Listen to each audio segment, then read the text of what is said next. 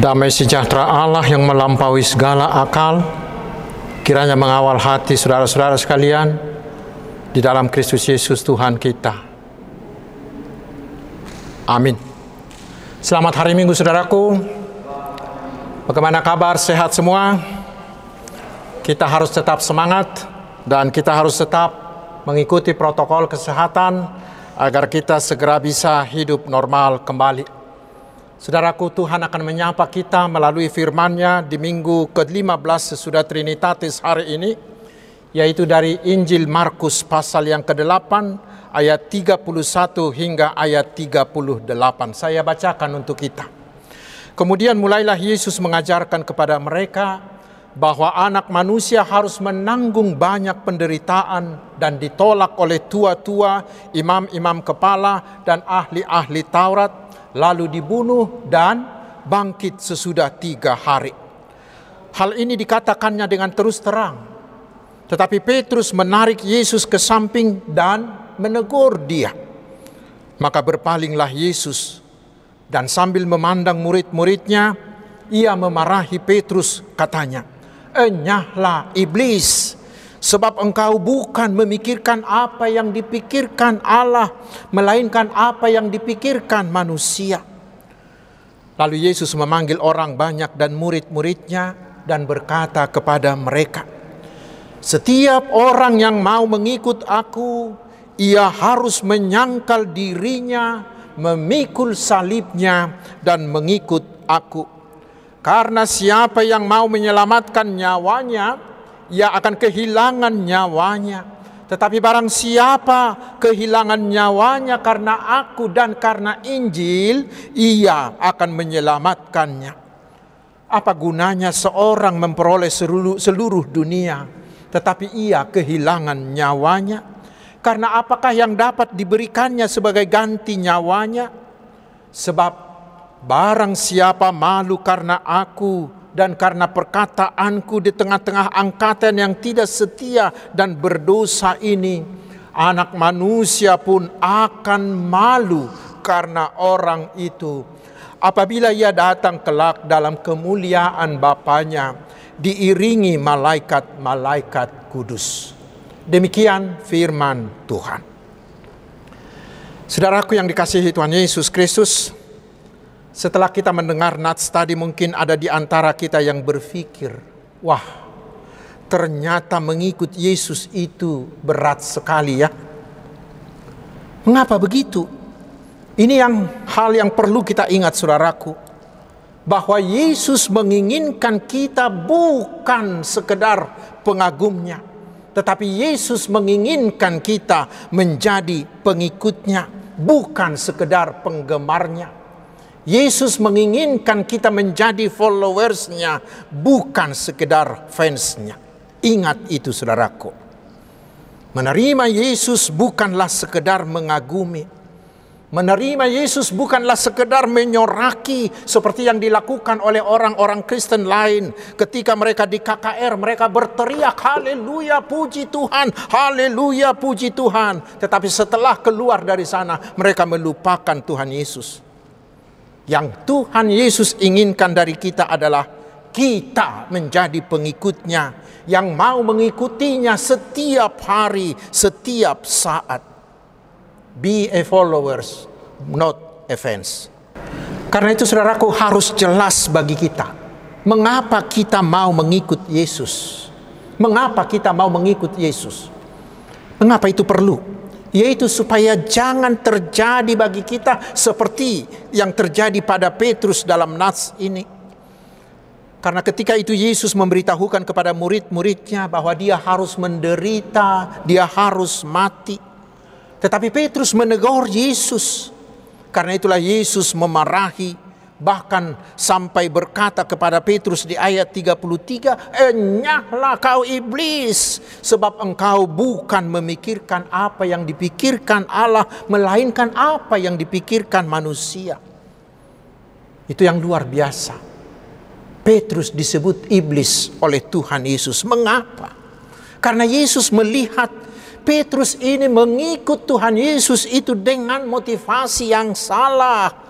Petrus itu mengikut Tuhan Yesus dengan harapan bahwa Yesus itu akan memimpin mereka memberontak melawan kerajaan Romawi yang menjajah mereka saat itu. Dan Yesus ini akan kembali mendirikan dinasti Daud karena Yesus adalah keturunan Daud. Petrus mengenal Yesus hanyalah sebagai Mesias politik, Mesias duniawi. Karena itulah bagi Petrus Yesus itu tidak perlu menderita, tidak perlu kalah terhadap Saduki dan Parisi, tidak perlu mati. Petrus mengikut Yesus tanpa mengenal siapa Yesus yang sebenarnya, tanpa mengetahui apa tugas dan misi utama Tuhan Yesus datang ke dunia ini. Karena itulah Yesus menyebut Petrus itu sama dengan iblis. Karena tugas dan misi utama Yesus datang ke dunia adalah untuk menyelesaikan masalah utama manusia yaitu dosa. Untuk menghapuskan dosa itu maka Yesus harus menderita, harus mau memberikan tubuhnya, memberikan nyawanya, memberikan darahnya di kayu salib. Untuk apa? Yaitu untuk menggantikan kita manusia ini menanggung hukuman mati akibat dosa itu. Sehingga kematian Yesus itulah yang akan membayar lunas semua hutang manusia akibat dosa itu. Sehingga dengan demikian bagi manusia berdosa ini tersedia keampunan bagi dosa-dosa kita. Kemudian setelah dikubur Yesus akan bangkit pada hari yang ketiga mengalahkan kuasa dosa sehingga bagi kita yang percaya kepada Tuhan Yesus tersedia kehidupan kekal. Keselamatan kekal dan sempurna bagi manusia hanya dapat disediakan melalui kerelaan Tuhan Yesus menderita hingga mati di kayu salib. Tidak ada jalan yang lain. Itu adalah keharusan. Itulah sebabnya tadi Yesus sangat marah dan menyebut Petrus sebagai iblis. Karena tanpa disadari Petrus sudah diperalat oleh si iblis untuk menggagalkan rencana keselamatan dari Allah itu. Mengapa? Karena hati dan pikiran Petrus telah dirasuki oleh hal-hal duniawi. Karena itu saudaraku hari ini mari kita masing-masing mengecek diri kita. Tanya diri apakah motivasi saya mengikut Tuhan Yesus saat ini? Apakah saya mengikut Tuhan Yesus benar-benar hanya untuk memperoleh kehidupan, ke keselamatan kekal dan hidup yang kekal? Atau hanya sekedar ikut-ikutan atau saya mengikut Tuhan Yesus hanya untuk memperoleh hal-hal yang duniawi saja atau saya mengikut Yesus hanya sekedar untuk KTP dan identitas diri saya saja. Mari saudaraku, jawablah dengan jujur. Jawab dengan jujur. Jangan sampai Yesus mengatakan kepada kita, "Enyahlah iblis dari padaku." Karena itulah selanjutnya Yesus memberi kita syarat mengikut Yesus. Syarat mengikut Yesus. Itu kita baca di ayat 34 di mana Yesus mengatakan, "Setiap orang yang mengikut aku, ia harus menyangkal dirinya, memikul salibnya dan mengikut aku." Sehingga syaratnya adalah sangkal diri, pikul salib, baru ikut Yesus. Berat juga ya saudaraku. Mari kita periksa satu persatu. Syarat yang pertama dikatakan sangkal diri. Apa artinya? Menyangkal diri berarti kita harus mau mengatakan tidak terhadap segala keinginan diri kita. Terhadap semua nafsu-nafsu, terhadap semua dorongan jahat yang dalam diri kita. Menyangkal diri berarti Bila kita sudah mengikut Tuhan Yesus, maka kita tidak lagi memiliki kepentingan diri kita sendiri, tetapi seluruh hidup kita hanya untuk melakukan keinginan Tuhan Yesus. Mengapa? Karena Tuhan Yesus telah menebus kita dari kuasa dosa, dari iblis, dan dari maut. seperti dikatakan Paulus di Galatia 2 ayat 20. Sekarang bukan lagi aku yang hidup, tetapi Kristuslah yang hidup di dalam diri saya. Itu syarat yang pertama, sangkal diri. Syarat yang kedua adalah bersedia kehilangan nyawa. Apa artinya? Yaitu rela menghilangkan eksistensi diri kita sendiri seperti seorang prajurit yang mau mempertaruhkan segala eksistensinya demi kemenangan negaranya. Dia tidak mau menyelamatkan dirinya sendiri. Itu syarat yang kedua, bersedia kehilangan nyawa. Dan syarat yang ketiga adalah pikul salib. Apa artinya?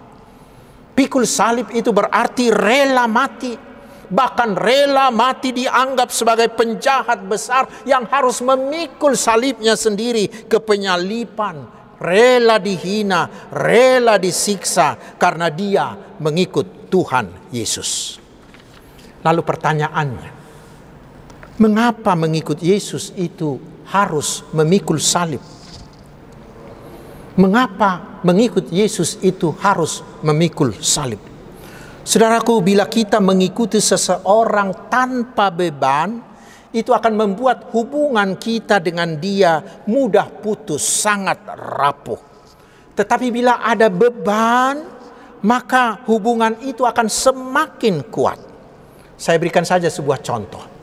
Ada seorang ibu yang berjalan bersama dengan seorang anaknya yang masih kecil di sebuah mall. Si ibu itu berjalan berdampingan dengan anaknya itu. Lalu si ibu melihat di sana ada baju yang sangat cantik. Lalu dia pergi melihatnya dan memeriksanya. Sementara anaknya yang tidak ada hubungan, tidak ada beban dengan ibunya, melihat di sebelah sana ada boneka yang cantik, lalu dia pergi ke sana, lalu dia memeriksanya. Lama-lama mereka tidak ada hubungan.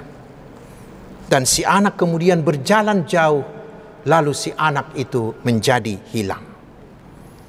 Tetapi ada seorang bapak, dia juga berjalan-jalan di mall itu dengan anaknya. Tetapi dia memangku anaknya itu. Apa pun ke mana pun bapaknya itu pergi, anaknya ikut. Apa yang dilihat bapaknya dilihat anaknya. Apa yang mau dilihat anaknya dilihat oleh bapaknya. Karena bagi mereka berdua ada beban. Yaitu ketika si bapak itu memikul anaknya itu. Karena itulah agar hubungan kita dengan Tuhan Yesus itu tetap kuat maka kita harus mau mengikut dia sambil mengikut salib kita. Sehingga sebentar pun kita tidak mau terpisah dengan Yesus. Bila kita mau mengambil risiko, mengambil tanggung jawab seperti itu, maka kita akan fokus, kita akan konsisten, kita akan konsekuen mengikut Tuhan Yesus. Mata kita akan terus tertuju kepada Yesus. Tetapi bila tidak ada beban, bila tidak ada salib itu, maka mata kita, pikiran kita, hasrat kita bisa cepat beralih ke hal yang lain, ke hal duniawi terutama, bahkan mungkin kita akan meninggalkan Tuhan Yesus. Lalu pertanyaan berikutnya, salib siapa yang harus kita pikul? Salib siapa yang harus kita pikul? Dikatakan di ayat itu memikul salibnya. Coba lihat Alkitabmu saudara-saudara apakah itu huruf nya itu huruf besar atau huruf kecil? Huruf kecil bukan? Apa artinya itu? Itu berarti bahwa salib yang harus kita pikul adalah salib kita sendiri.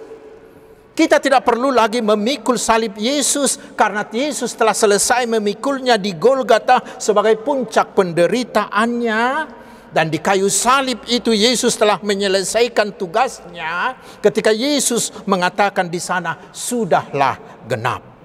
Dengan salibnya itu Yesus telah menyediakan keselamatan sempurna bagi kita manusia.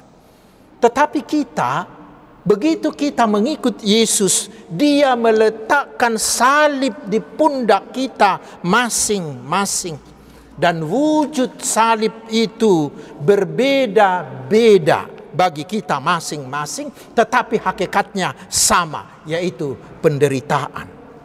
Semua salib bermakna penderitaan, tetapi ingat, tidak semua penderitaan adalah salib. Kalau saya digebuki oleh orang yang kebetulan yang beragama lain karena saya mencuri miliknya, saudaraku itu bukanlah salib. Tetapi salib yang dimaksud adalah penderitaan yang timbul karena kita mengikut Tuhan Yesus. Karena kita mau taat, karena kita mau setia mengikut Tuhan Yesus.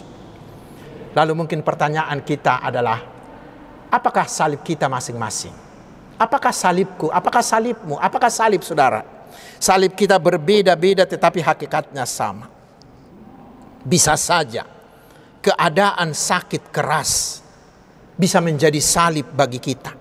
Bila kita ditawari untuk berobat ke dukun, berobat ke paranormal, tetapi kita memilih tidak mau karena kita memilih lebih baik menderita sakit, bahkan lebih baik mati asalkan tidak pergi kepada dukun.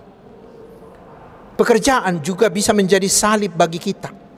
Bila kita misalnya diminta oleh bos kita untuk menyuap pihak lain agar perusahaan mendapatkan proyek besar.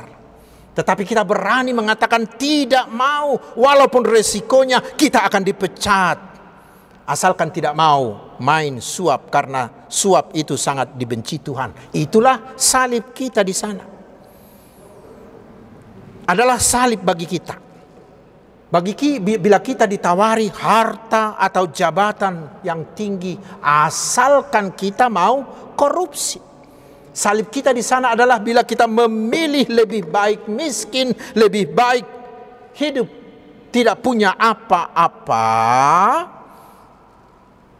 asalkan tidak melakukan hal-hal yang tidak benar. Lebih baik hidup pas-pasan asalkan tidak mendapatkan uang dari hal yang tidak dikehendaki Tuhan. Itulah salib kita di sana.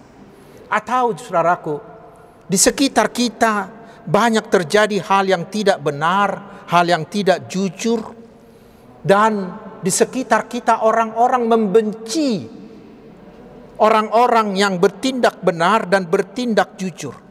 Salib kita di sana adalah sekalipun semua orang sudah berbuat tidak benar dan berbuat tidak jujur, tetapi kita sendiri mau tetap hidup benar dan hidup jujur. Walaupun karena itu semua orang membenci kita, semua orang menjauhi kita. Saudaraku banyak juga orang Kristen yang harus memikul salib karena mereka disiksa atau gereja mereka dibakar atau gereja mereka ditutup atau mereka dilarang beribadah. Bisa juga menjadi salib bagi kita bila kita tidak diberi jabatan walaupun sebenarnya kita mampu. Adalah salib bagi kita bila kita didemo ketika menjabat bukan karena kita tidak mampu. Bisa juga menjadi salib bagi kita Bila kita didiskriminasi, dikucilkan bukan karena kita bodoh, tetapi hanya karena kita seorang Kristen pengikut Yesus. Itulah salib, salib kita. Yaitu penderitaan yang kita pikul karena kita mau setia dalam ketaatan penuh mengikut Tuhan Yesus. Saudaraku, memikul salib berarti kita mau melakukan hal yang menyukakan hati Tuhan. Berarti kita mau berjalan mengikuti kehendak Tuhan walaupun harus menanggung resiko. Saudaraku, sahabat-sahabat Tuhan Yesus, di Lukas 9 ayat 23 Yesus mengatakan bahwa memikul salib, memikul salib itu haruslah setiap hari, bukan temporer. Dan bila salib itu datang, menghampiri kita, jangan menghindar, tetapi hadapilah. Hadapi dengan jantan. Mengapa? Karena di 1 Petrus 3 ayat 14 firman Tuhan mengatakan adalah kehormatan bagi kita bila kita diberi kesempatan untuk menderita karena Kristus. Tetapi yang paling penting adalah karena dengan memikul salib maka upah kita sangatlah besar seperti dikatakan Yesus di ayat 35b Barang siapa kehilangan nyawanya karena aku dan karena Injil, ia akan menyelamatkannya. Bila kita mau setia memikul salib kita, maka Yesus akan membela kita kelak di hari penghakiman. Di sana kita akan dibenarkan sehingga kita tidak dihukum ke neraka kekal, tetapi kita akan dimasukkan kepada kehidupan kekal bersama Tuhan Yesus. Bahkan bila kita baca di Roma 8 ayat 17, lebih hebat lagi. Bila kita mau menderita bersama Tuhan Yesus, kita akan dimuliakan bersama Yesus di sorga kelak. Tetapi bila sebaliknya saudaraku, bila kita tidak mau memikul salib kita, maka Yesus juga akan menyangkal kita di penghakiman kelak. Itu artinya kita akan dijatuhi hukuman yaitu neraka kekal. Lalu pertanyaan berikut, ini yang terakhir. Apakah saya sanggup melakukannya? Apakah saya sanggup menyangkal diri mengikut Yesus dengan memikul salib? Apakah saya sanggup? Jawabnya saudaraku, pasti. Sekali lagi, pasti. Tetapi bukan dari kekuatan kita. Lalu dari mana? Yaitu dari Tuhan Yesus. Tuhan Yesus mengatakan kepada kita, Aku akan menyertai kamu setiap saat sampai akhir zaman. Ketika kita harus menanggung derita karena nama Yesus dan karena Injil. Tuhan Yesus ada di sana. Dia ikut memikul salib kita. Karena itulah Yesus mengatakan, salib yang kuberikan, yang kutanggungkan kepada kamu adalah ringan dan enak. Karena Yesus ada bersama-sama dengan kita. Setiap saat Yesus yang telah menang memikul salib itu akan membantu kita dan memenangkan kita juga. Karena itu, jangan pernah mau kalah. Betapa besarnya pun salib yang akan kita pikul. Tetapi mari andalkan Tuhan Yesus, andalkan kuasanya, gunakan kuasa Yesus. Pasti semua kita bisa memikul salib. Selamat mengikut Yesus. Amin. Mari kita berdoa.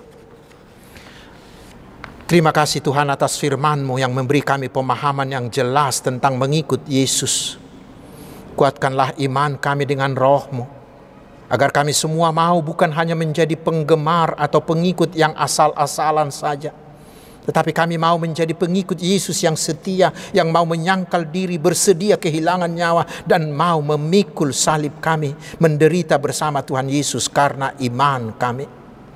Allah Bapa di sorga, Engkaulah Tuhan yang maha kuasa. Dengarkanlah doa seruan umatmu yang terus memohon agar Tuhan menjauhkan virus COVID-19 ini dari kami. Dan berkatilah kami satu persatu mulai dari anak balita, anak-anak, remaja, pemuda, keluarga muda hingga sahabat-sahabatku yang lanjut usia. Beri kami hikmatmu untuk menyikapi segala kondisi yang diakibatkan oleh pandemi ini sehingga kami bisa memenangkannya bersamamu saja. Mau mengikuti protokol kesehatan, mau divaksinasi, dan mau saling membantu dan saling menyemangati.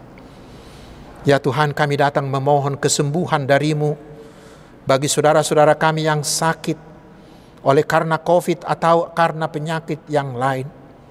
Kami juga memohon ke kekuatan penyertaan-Mu bagi mereka yang sedang berduka, yang mengalami pergumulan.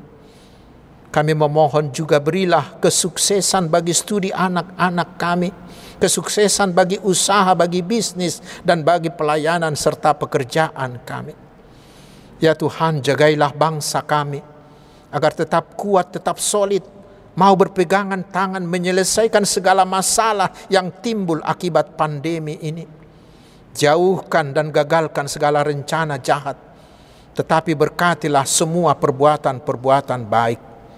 Berkatilah hamba-hambamu yang melayanimu, agar mereka semakin kreatif dan semakin berkuasa menguatkan iman umatmu dalam keadaan yang sulit ini.